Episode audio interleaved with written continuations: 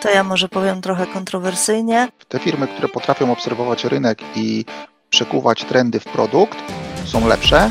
Pierwsza, w ogóle najważniejsza e, sprawa w charakterze twórcy foundera to jest pokora i umiejętność słuchania. Akceptujemy, że rzeczy będą się zmieniać, bo rzeczywistość taka jest.